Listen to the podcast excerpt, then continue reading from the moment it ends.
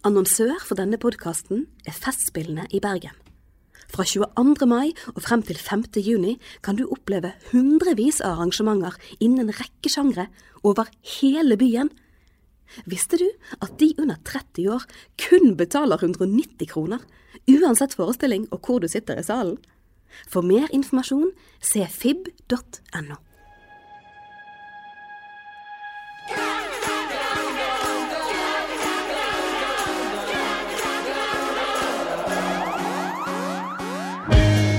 Velkommen til eh, liveinnspilling av uh, BTs kulturpodkast Republikken. Mitt navn er Kjetil Ullebø, jeg er journalist i Bergens Tidende. Med meg har jeg kollega Guro Bergesen. Hallo. Hei. Går det fint? Det går bra med meg.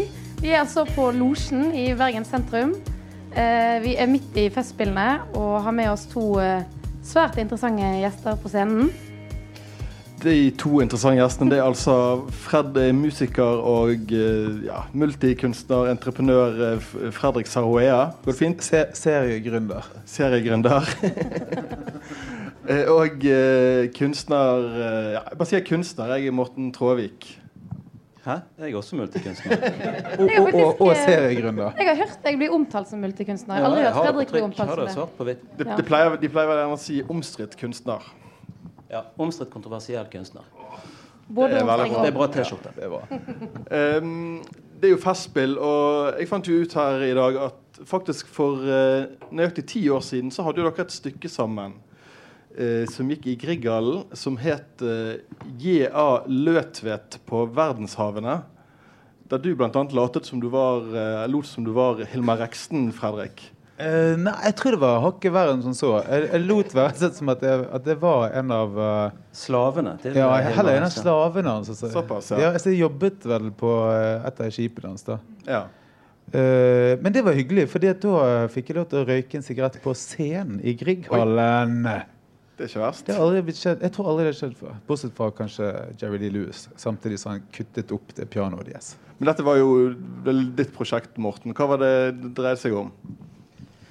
Nei, altså det, vi bygde jo en forestilling rundt uh, det at Fredrik røykte en sigarett på scenen uh, i Grieghallen. Eh, allting annet var bare en unnskyldning for Ja. å få til det. det. Det var faktisk en, det var et bestillingsverk som vel var initiert av min bror, Kjetil Møster.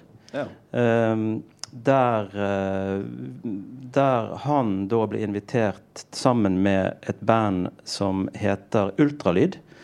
s- å lage en slags musikalsk reise gjennom um, uh, Oh, hva, heter for, hva heter han til fornavn?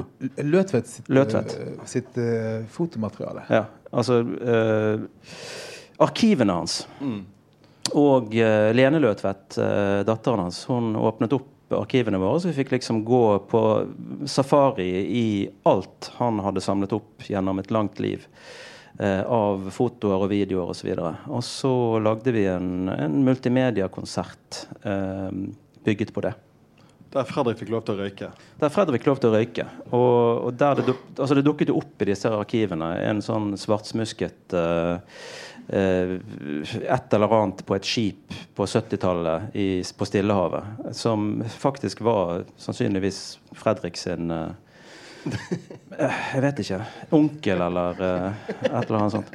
Så, men, så det var ikke. Men, men kanskje en filippinsk uh, ja, et eller annet sånt. Filippinsk maskinist eller noe sånt. Og, Men den- og han, han, han, uh, Men han var sexy, det er det som er poenget. Han var sexy, så det var ingen andre enn Fredrik som kunne spille. Jeg glemte å si det i sted, men vi har jo sånn undertittel på, på denne episoden. Og det er 'Rolig og beskjeden bergenser spesial'. Det, det passer Ja, det er til dere to. Ja, det er perfekt. Ja. Men du, eh, Morten. Eh, dine, som vi var inne på i sted, omstridt og kontroversielle kunstner. Stykkene dine, vekker, de ting du jobber med, vekker jo ofte litt oppmerksomhet. Og for fire år siden vel, var det vel du hadde dette stykket 'Kardemommeyang'. Der, eh, Kardemom- Kardemommejang. Kardemommejang. Hva var det som foregikk da, egentlig? For Det er ikke ikke at alle husker det så godt.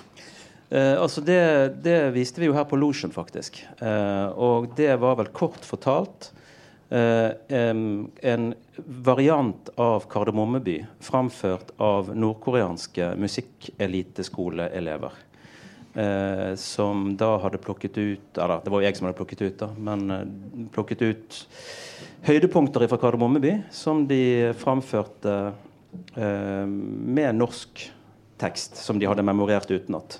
Eh, nystemten kjørte vi også i begynnelsen og slutten, bare for å være sikker på at det ble Brak. applaus, liksom.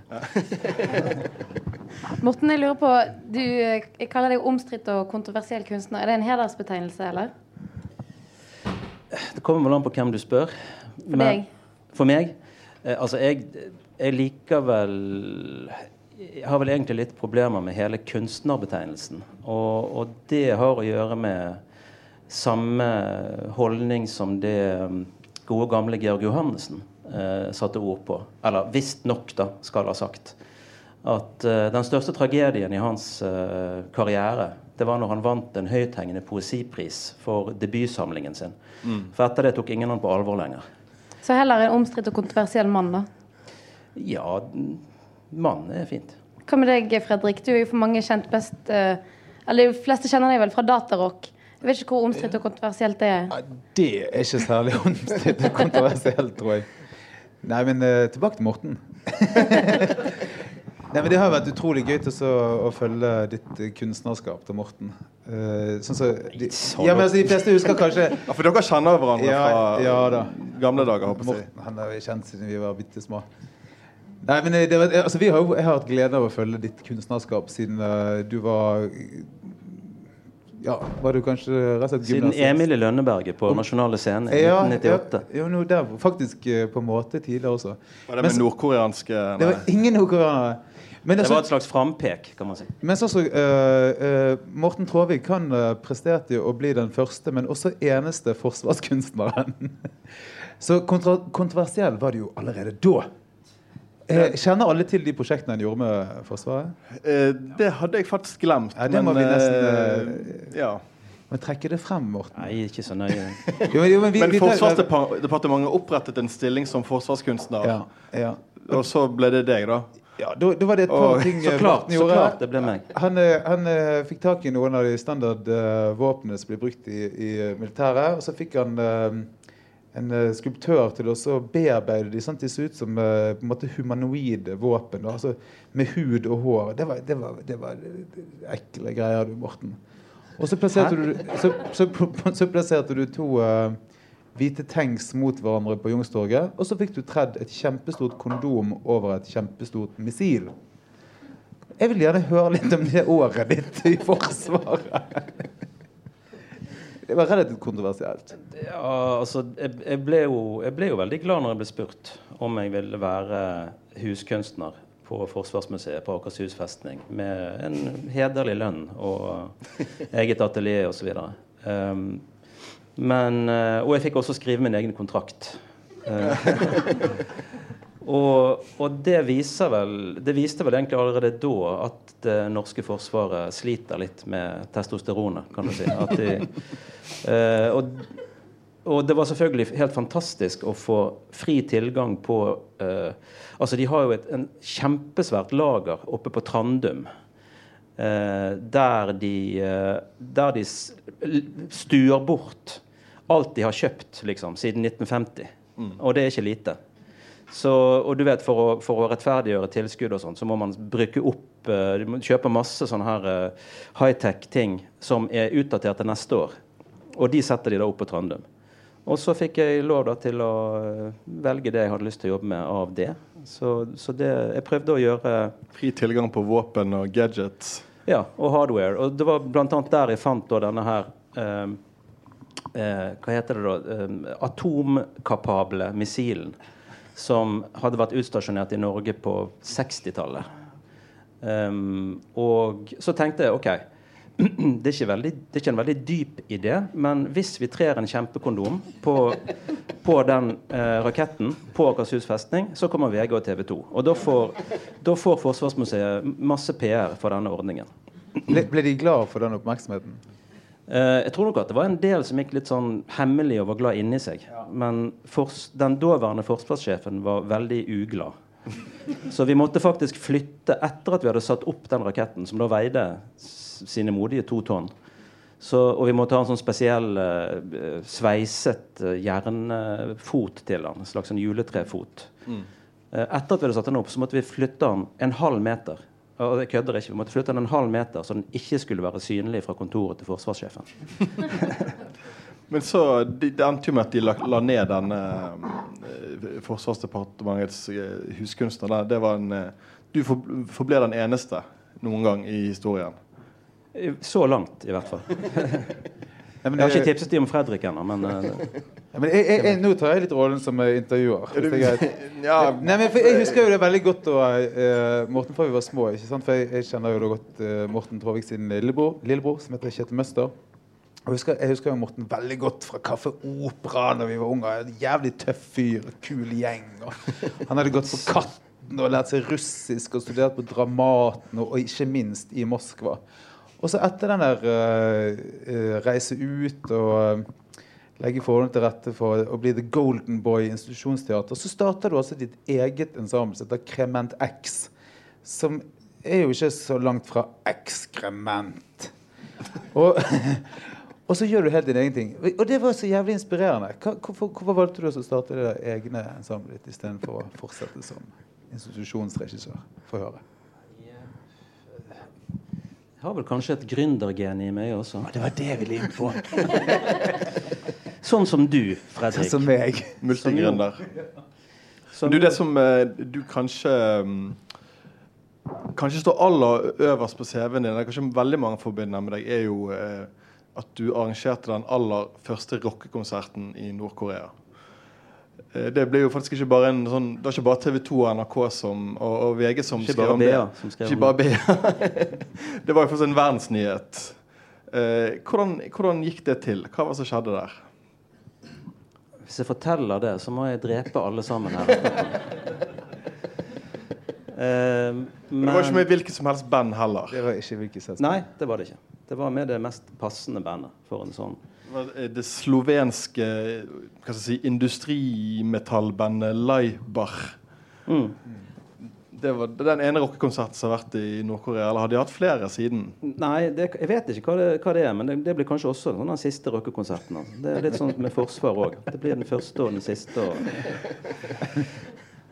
'Tonight is forever' er min holdning. Men hvordan, eh, hvordan opplevde du hele den eh, seansen? Hvis du, klarer å oppsummere det, eh, eh, i eh, noen setninger.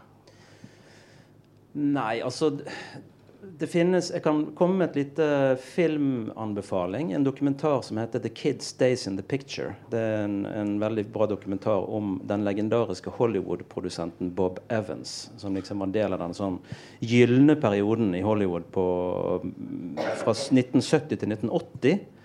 Um, og som var involvert i veldig mye. altså Alt fra 'Gudfaren' og 'Chinatown' og 'Easy Rider' og til 'Raging Bull' da, altså på, på 80-tallet. Eller i 1980. Uh, og han har et, hans motto er uh, 'Luck is when chance meets preparation'. Ja. Og det er, det er ganske fint, syns jeg. For på, på norsk blir vel det noe sånt som at uh, flaks, det er når eh, eh, tilfeller eh, møter forberedelse. Mm. Eh, Så det er egentlig som regel ikke en eh, ren flaksting når det skjer når det skjer noe avgjørende. For da er det kanskje at du har allerede forberedt deg, eller du er forberedt eh, gjennom ulike erfaringer du har gjort og, og kompetanse du har bygget deg opp.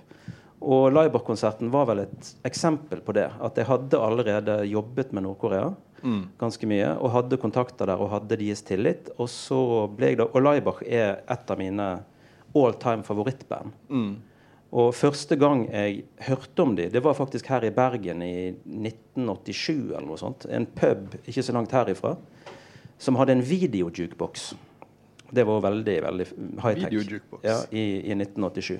Var du altså ikke med i Dominion Goth Club? Nei, jeg har aldri vært, jeg har aldri vært en gother på den måten. Jeg har alltid vært en observatør. Altså a spy in the house of prikk, prikk, prikk.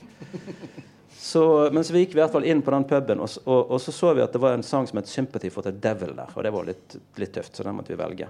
Og så var det da Laibach sin cover av 'Sympathy for the Devil'. som var altså schæferhunder eh, og uniformerte jugenter som løp gjennom en eh, brennende hule. Eh, med en fyr som eh, En vokalist som eh, John Oliver, da. Når han, når, når han dekket Den amerikanske satirikeren. ja, altså han med The, The Late Show. Eller, eh, altså John Oliver lagde jo et segment på eh, denne eh, konserten i Nord-Korea. Uh, der han beskrev uh, syngingen, hvis man vil kalle det det, til Laibachs vokalist som, som om Freddie Mercury uh, var blitt stengt inne i en hule og hadde svelget en frosk og prøvde å synge han ut. Så det var, det var skjellsettende og uh, har vel egentlig Ja, det, det ble frøet til, til en første rockekonserten i Nord-Korea. Men, men i forkant av den eh, rockekonserten med Laibor, så hadde jo du laget musikkvideoen deres. Det stemmer også. Men syns jeg vi snakker Vi veldig er så glad for at vi har deg her, Fredrik. Ja, og året før det igjen så du har hatt med deg de vokalisten på lysverket. For dette var du kanskje på et møte med direktøren for Festspillene. Stemmer det. Eh, Jeg og, jeg og Anders Beyer Som blei til den konserten som dere hadde i Nord-Korea. Jeg og Anders Beyer og Ivan Novak fra Laibach eh, jeg vil, Vi ville jo gjerne by på det, på det beste Bergen hadde i eh, traktamentet. Så da klart at da måtte det bli Lysverket. Brought to you by Fredrik Saroye. Jeg bare rydder litt jeg, for de som trenger det. Fredrik eh, kjen, er kjent for de fleste fra Datarock, eh, men har også vært med å starte Lysverket og Hoggorm. Eh, That's it. og- det var det. Nei, også plateselskapet. YAP. Og plateselskapet YAP. Ja. Ja. Og er også tidvis eh, gjesteprogramleder i kulturpodkasten Republikken. Ja, vi Ja. åpenbart. fra meg nå. Det blir en helvetes faktura. Ja. Men Fredrik, jeg, eh, du er jo eh, mest kjent som musiker, men du har òg en skummel fortid som kunstner, har jeg hørt. Dette her har Vent litt, er det du som er dolk? Det er jeg som er dolk. Ja, det første stipendet mitt det var sånn kunststipend. Hva, hva, hva gjorde du? Male kunstting. Du, du, du, du malte rett og slett? Du var rett og slett maler? Jeg malte i vei. Så, og det, det, det er så vittig, for det, var, det er noen som har tagget et eller annet sted i Bergen at Dolk er Fredrik fra Datarock. Ja. Uh, og så, uh, før han i- i BT gikk ut og sa hvem han var, så, eh, så drev jo han og reiste på en del Vi drev og reiste på en del turer sammen. da. Uh, der Dolk-profilen på Instagram postet bilder fra de samme tingene som meg. Så det ble så, så jævlig underbygget at det var meg, da. Altså, altså Helt tilfeldig så endte det opp med at Dolk uh, Han gjorde jo cover. Du, altså. Ja, meg. altså. Han gjorde, han gjorde det siste coveret vårt og singlene og musikkvideoen vår. og alt det der, så så jeg- Det var litt dumt synes jeg, at han gikk ut og fortalte hvem han var. For jeg likte at folk trodde at jeg var dolk. For det var jo en sak i Askeværingen. Du er jo egentlig fra Aske, Fredrik. Der du, Ja. Men der benektet jo du at du var dolk. Nei, jeg synes Det var så rørende. Det, var, det ringte en raring fra, fra Askeveien og sa hvem hun var. Og så spurte han bare er, er du dolk. Så sa jeg ja. altså nå har jeg klart å holde det hemmelig i 15 år, men fordi at du ringer og spør, så har jeg tenkt å avsløre at det er meg. Så jeg kunne ikke annet enn å si at uh, det var det jo ikke. Nei. Men uh, nei, dolk det er dessverre ikke meg. Nei. Men det stemmer det at jeg drev og uh, malte bilder og sånn. Ja. Men jeg har absolutt ikke Men så ble det jo, det ble jo musikk. Og det, det begynte vel i bedehuskor på Florvåg. Du har gjort har så mye research. Wow. Ekte journalist. Ja. Dette visste ikke jeg. Jo da. Det er bra Men det, men det, det må jeg bare innrømme. Altså, det, er gode Men det er jo helt logisk. Jeg synes Det var supert å synge i kor. Det ledet jo naturlig til korslaget i 2012. Ja, riktig. Nei, men Jeg begynte med kor, det er riktig det. Og så gikk det uh, kort innom uh, trompeten til min mor, som sitter rett der. Men jeg hadde så store tenner. Veldig veldig store tenner, så det dirret i hele kraniet når jeg spilte på den trompeten. Og så begynte min storebror å, å spille cello. Og det måtte jeg også gjøre, for han gjorde det. Det, det funket ikke på noen som helst måte. Men så heldigvis så begynte han å spille rockegitar. Ja. Så, eh, så det, det gjorde jeg også. Og, da, eh, og dette var jo på seint 80-tall, så da spilte vi selvfølgelig trash metal. ja. Men jeg hørte du òg Du fått på mange bra bandnavn. Uh, nå har jeg glemt Jeg har hørt noen rykter det om det fins bare ett skikkelig godt. Mange bra, men vi har glemt eh, hva det Ja, var. nei, det var veldig få, det var veldig få band. Men eh, Men det ene bandet, det, det het Øks. Økse. Med X. ØX. Ja. Og vi hadde til og med en sang som het Motorøks. Motorøks, det er Yes. skikkelig. Og vi, vi, vi spilte på garasje. Helt vanlig konsert når vi var 12-13 år. Og da mener jeg at Engelen skrev at uh, øks bare bråkte. Det var en, jeg tror det var én setning. Så, Men var, det, men var det øks med norsk ø, eller var det en o med to tødler over? det var Sånn norsk. motor- Sånn det var norsk. Det kan jeg love deg. eh, I sløyden så spikket jeg ut logoen. Så det, det måtte kunne spikke. Eh, Men det var liksom litt sånn jeg ble kjent med eh, lillebroren til eh, Morten Traavik. For han spilte i Hesperus. Hesperus. Hesperus, Da spilte han dere ja, da. Jeg vet ikke hva Hesperus betyr. Hva betyr Hesperus, Morten? Et eller annet pretensiøst, tror jeg. Ja, en eller annen lammelsessykdom i ankelen, antageligvis. Men uh, i hvert fall uh, kanskje sånn 15-20 år etter du sang i bedehuskor, så ble du omtalt som en hipstergud i Klassekampen. Det ble det, ja. Ja. Hva, hva skjedde? Nei, det er hipstergud Men det, altså, når var dette her, da? Altså, Hipstergud? Ja. Jeg husker ikke For, for akkurat når det var. Hipster, den ble jo liksom veldig uh, uh, Det var lite eksklusivt å være hipster her for noen år siden. Er det veldig lenge Jeg tror, jeg tror det var tidlig. Tid, ja, det, er det, jeg liker, det er det jeg vil at du skal si. Ja. Ja, Men hipster, hipstergud er jo litt mer Ja, eksklusivt. men det er kjempebra. Men uh, mitt hipster-sitat, favorittsitat, det, det er når uh, Kramer i, i, uh, i Seinfeld har en annen breakdown. Så sier han liksom Jerry, am I just a hipster douchebag? Sant? Sånn at Hipsteren har jo også vært en hipster siden uh, hvite universitetsstudenter begynte å høre på jazzmusikk. Mm. Så de, jeg, jeg, er ikke stolt hvis det er den moderne hipsteren, men jeg er veldig stolt hvis det er sånn Kramer-hipster. Eh, Vi kan kalle det Kramer-hipster. Eller gudehipster. Ja, Gud-hipster. Ja. Men Datarock, dere var jo veldig tidlig ute med litt den eh, hva skal jeg si, den liksom bergensklisjeen om band som bare ser ut mot verden og ikke er opptatt av ja, men det var liksom, det. Oslo og resten av Norge. Dere reiste Ja. rett ut, reiste på turneer over hele verden ganske tidlig. Ja, ja. Har du noen spes- det noen spesielle eh, gøye turneer dere var på i, i begynnelsen der, da dere var virkelig aktive hele tiden?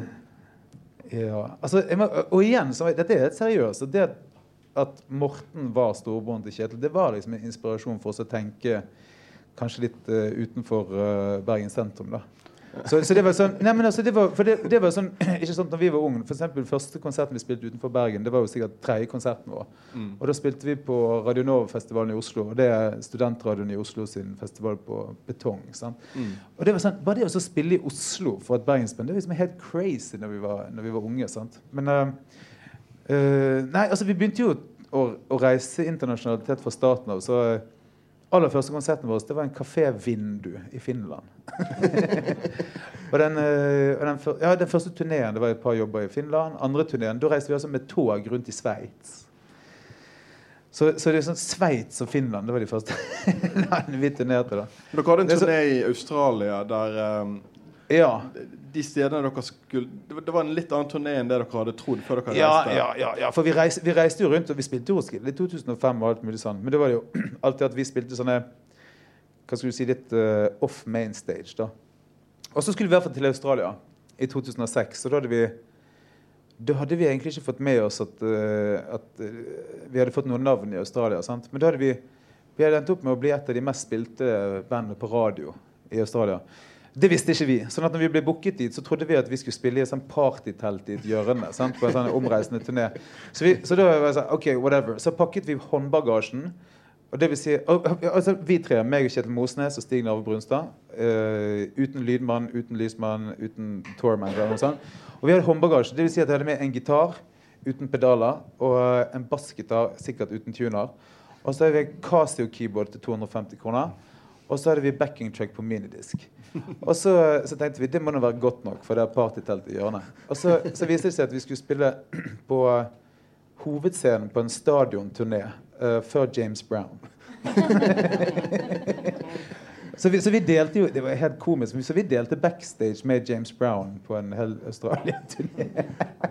Det er skikkelig. Det kan vi godt få høre litt mer om. Ja, nei, men altså Sanne ting skjedde helt fra begynnelsen av. Så du blir jo helt plassert og fucket i skallen. Sånt. Det, så eh, på en måte etter det, når det skjedde ordentlige sånn, eh, antageligvis karriereendrende ting, så var det liksom Hvis ikke det er en jævlig vittig historie, så er det ikke så kult. Det, det er ikke noe gøy å skryte en skrytehistorie. Det må være noe funny, liksom.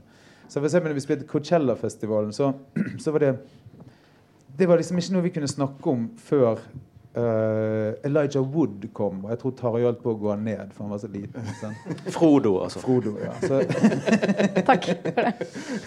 nei, sånn, så, nei, vi, har, så ja, vi, har gjort, vi har jo opplevd veldig mye gøy. Og vi, og vi, uh, rent, vi te, har ikke tenkt på det tidligere, men vi hadde også turnert viste det seg, i 33 land før vi gjorde en norgesturné i 2009. Og vi har egentlig bare gjort tre norgesturneer, og den ene var i, egentlig i år. Ja. Dere, dere har ikke spilt i Nord-Korea? Eh, Nei, men vi har spilt i 44 land. Og så, og så var det på et tidspunkt så var det noen som foreslo at vi skulle gjøre en verdensturné i alle de omkring 198 landene som fins. Og så ble det kommentert at men Nord-Korea er jo nesten helt umulig. Så sa vi bare men vi kjenner Morten Traavik. Men du ringte aldri? Eh, Nei, det var jo eh, For du hadde jo blitt uh, nærmest kastet ut, så da droppet vi den ideen. Nei, jeg blir ikke kastet ut. Jeg har lagt samarbeidet på is, men de ringer meg jo og vil ha meg tilbake igjen. Gjør det? Ja, de gjør faktisk det. Og nå skal vi høre noen ord fra vår annonsør. Under Festspillene omdøpes Festplassen til Festspillplassen.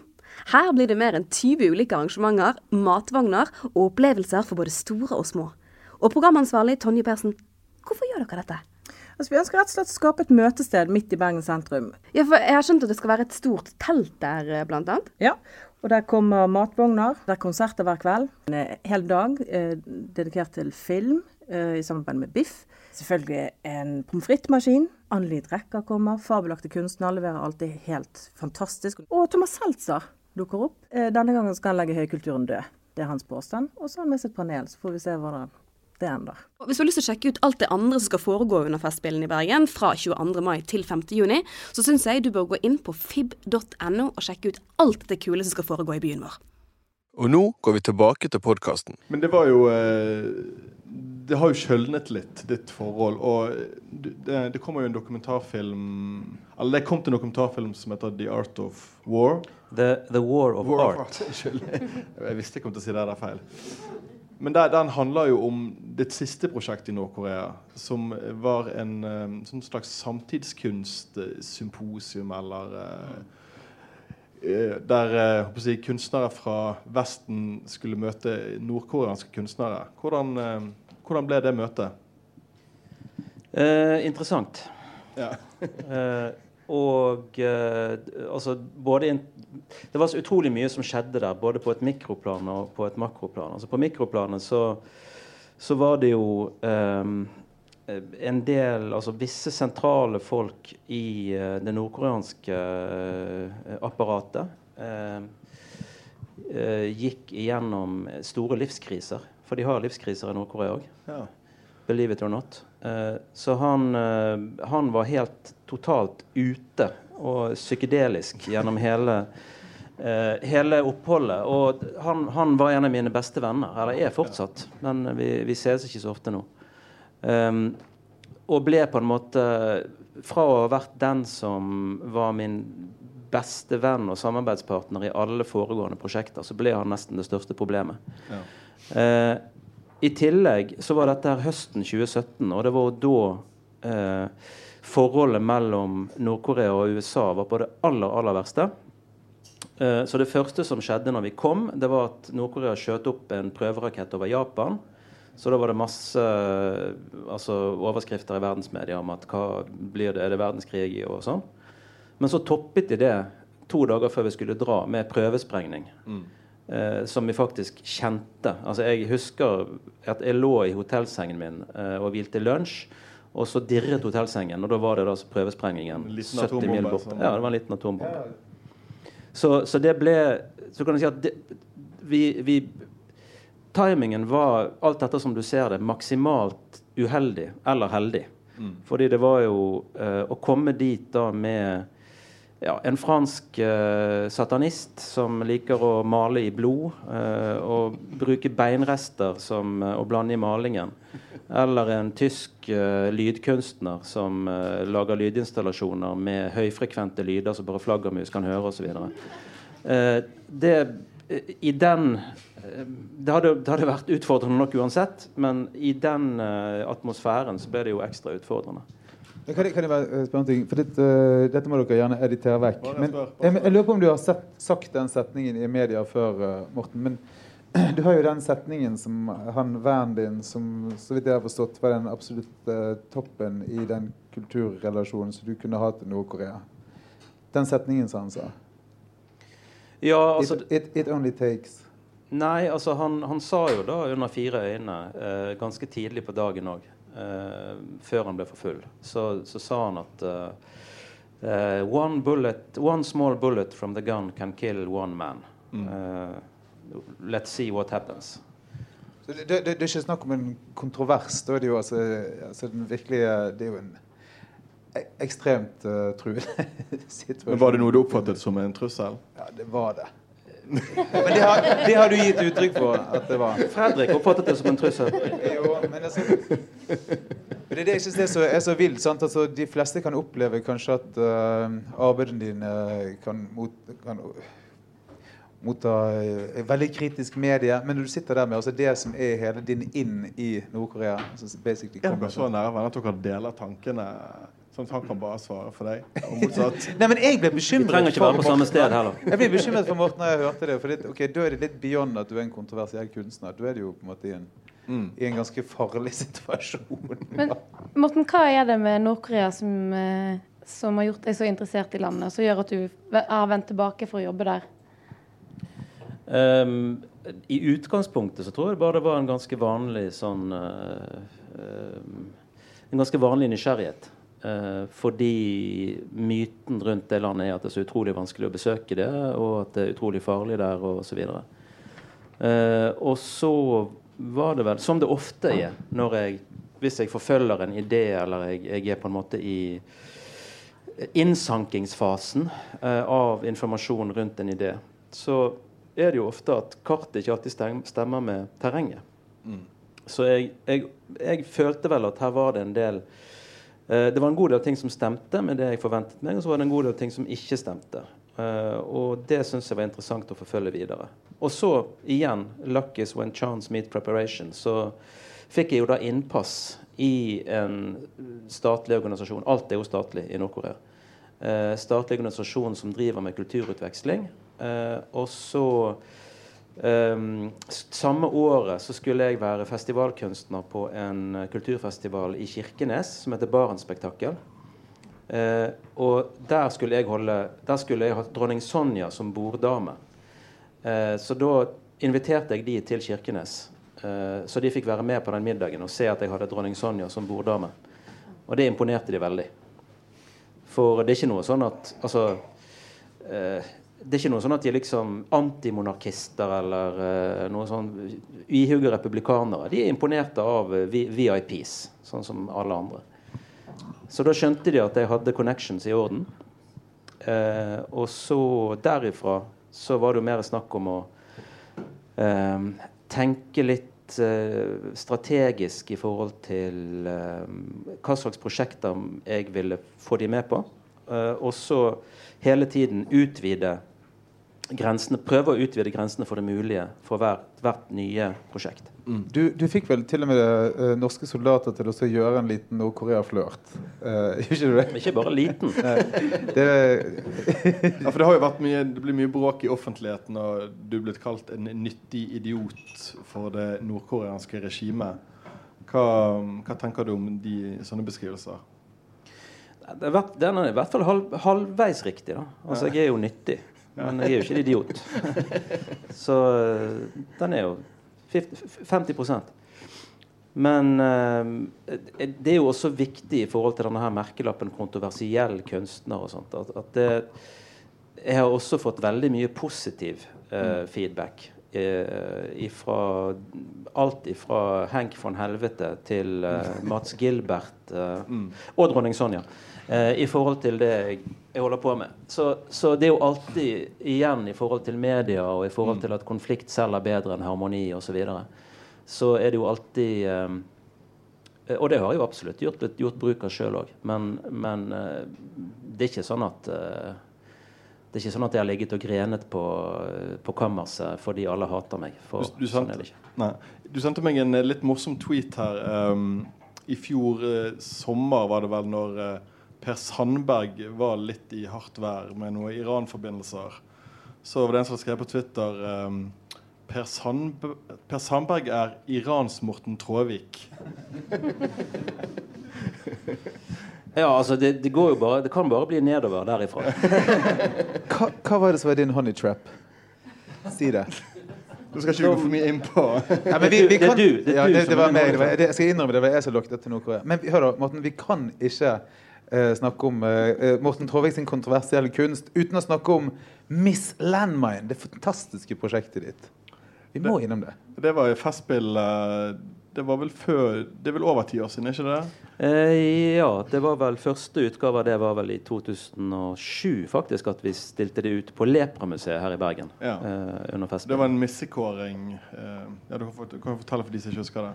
Eh, det var en missekonkurranse for landmineskadde kvinner eh, som eh, vi først gjennomførte i Angola i Sørvest-Afrika, som er på I hvert fall da var på topp tre i verden på antall landminer per, per capita. Og så gjorde vi det året etter i Kambodsja, som også har en, et, er veldig høyt oppe på, på samme liste. Eh, og de to prosjektene fikk veldig ulikt utfall, kan en si. Du har jo ja. den absurde kontroversen det var mennesker som var imot missekonkurranse. Det hadde vært interessant å gjøre det igjen i dag, eh, hvor det offentlige klimaet er så ekstremt lettkrenket og ikke minst eh, indignert på vegne av eh, um, all, all, all slags minoriteter. Eh, så at en hvit mann Det var jo allerede da kontroversielt at en hvit mann fra et rikt land eh, gjorde dette her med fattige, brune damer fra et fattig land.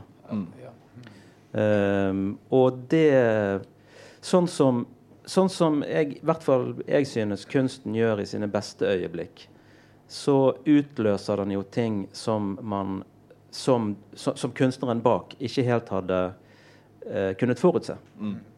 Eh, og er, noe av det var at eh, privilegerte folk er veldig glade i å være indignerte på vegne av folk de, eh, som ikke er så privilegerte, ofte uten å spørre de folkene. Men eh, det er en slags eh, Ble, ble, det, ble det mer baluba rundt det at en hvit mann fra Bergen lagde missekonkurranse med brune damer, enn eh, at det kanskje ikke er så greit med landminer?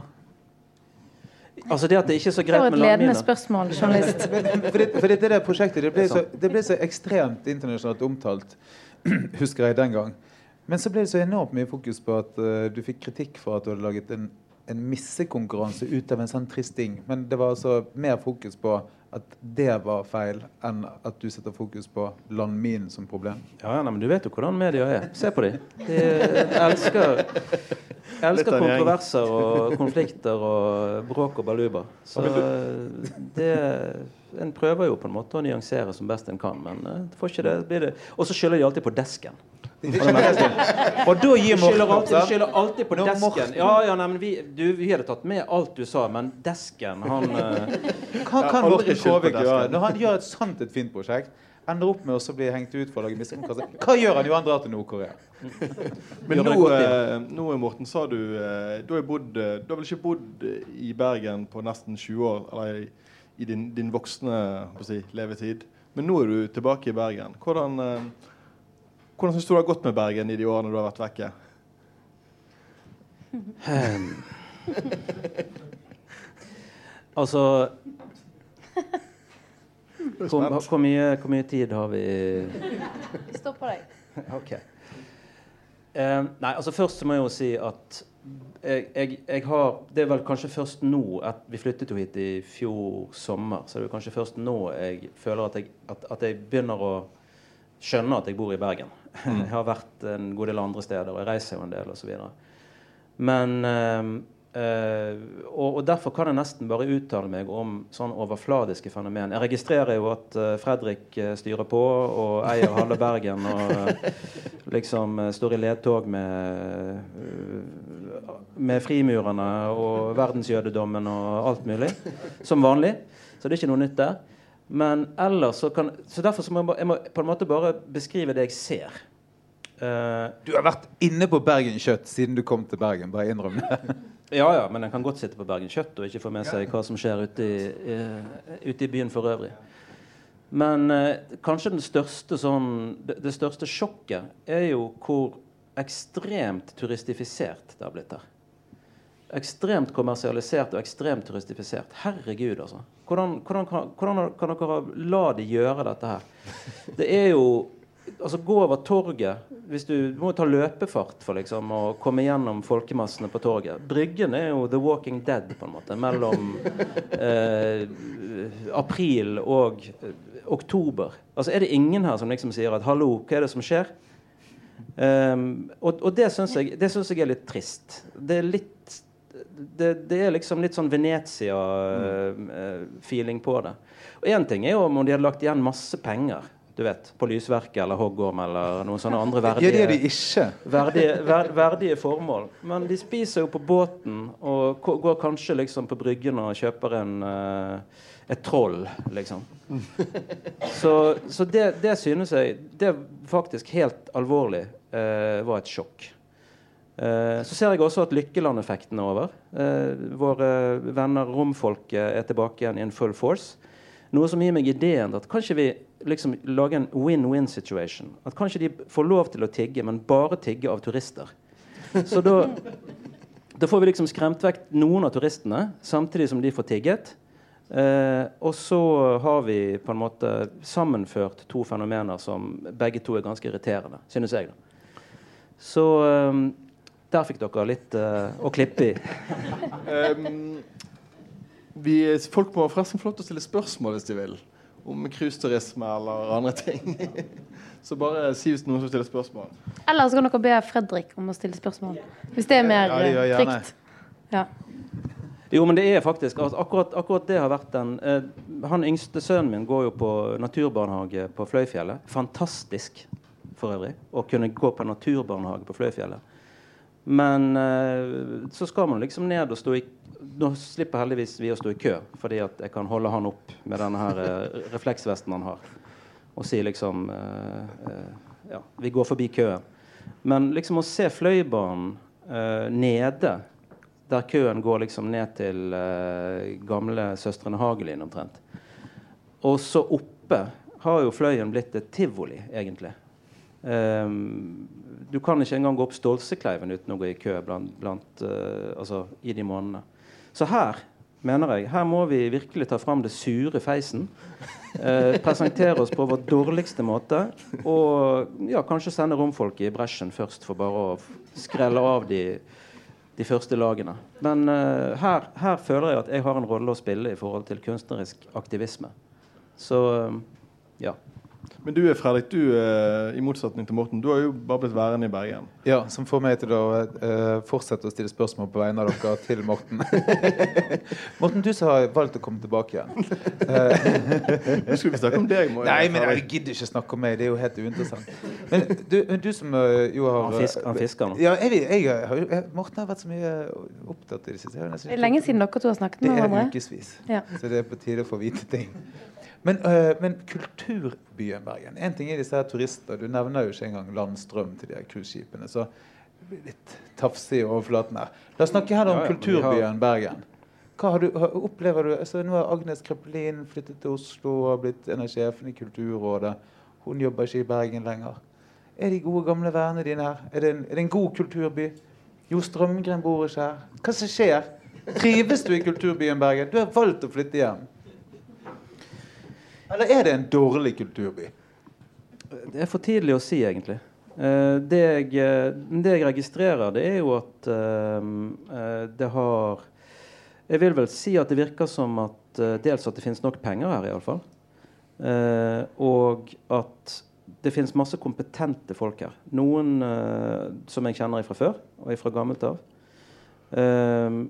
Og et, så vidt jeg kan se, da, så finnes det etter hvert en god del sånn Det har blitt ganske sånn profesjonelt her og der i forhold til for 20 år siden. Det kan da, jeg tror jeg må si tusen takk til uh, Fredrik Saroea og Morten Tråvik. Det var veldig hyggelig.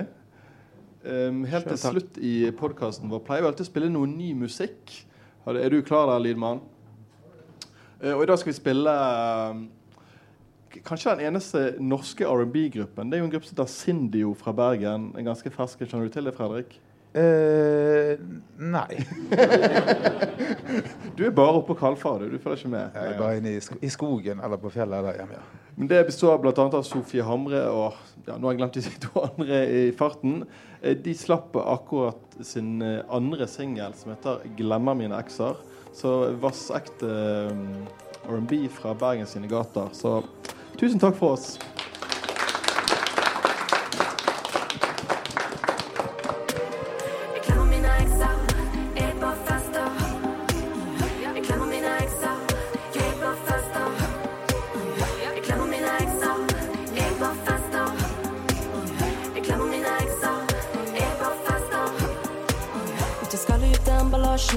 Jeg har noe gull i bagasjen. Du ser meg, flipper mynt med balansen. Ut av kroppen, ut av hjernemassen. Vi skal være natten. Du ser meg, ta en sigg på terrassen. Like sjarmerende hver gang når du ser på meg. Jeg er ikke hypp, jeg er hypnotiserende. Står aleine alltid levende. Jeg har ikke tid til romanse, jeg vil heller danse. Jeg har ikke tid til romanse, jeg vil heller, jeg vil heller danse.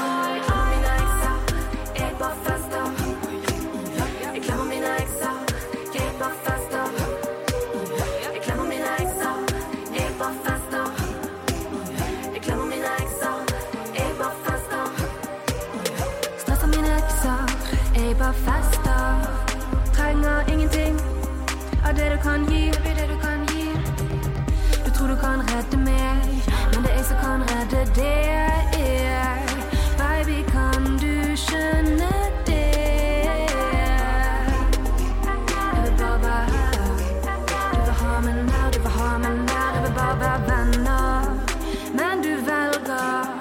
Du kan være med og se, jeg tror du vil like det. Ikke se ned på meg, du vil være med på det.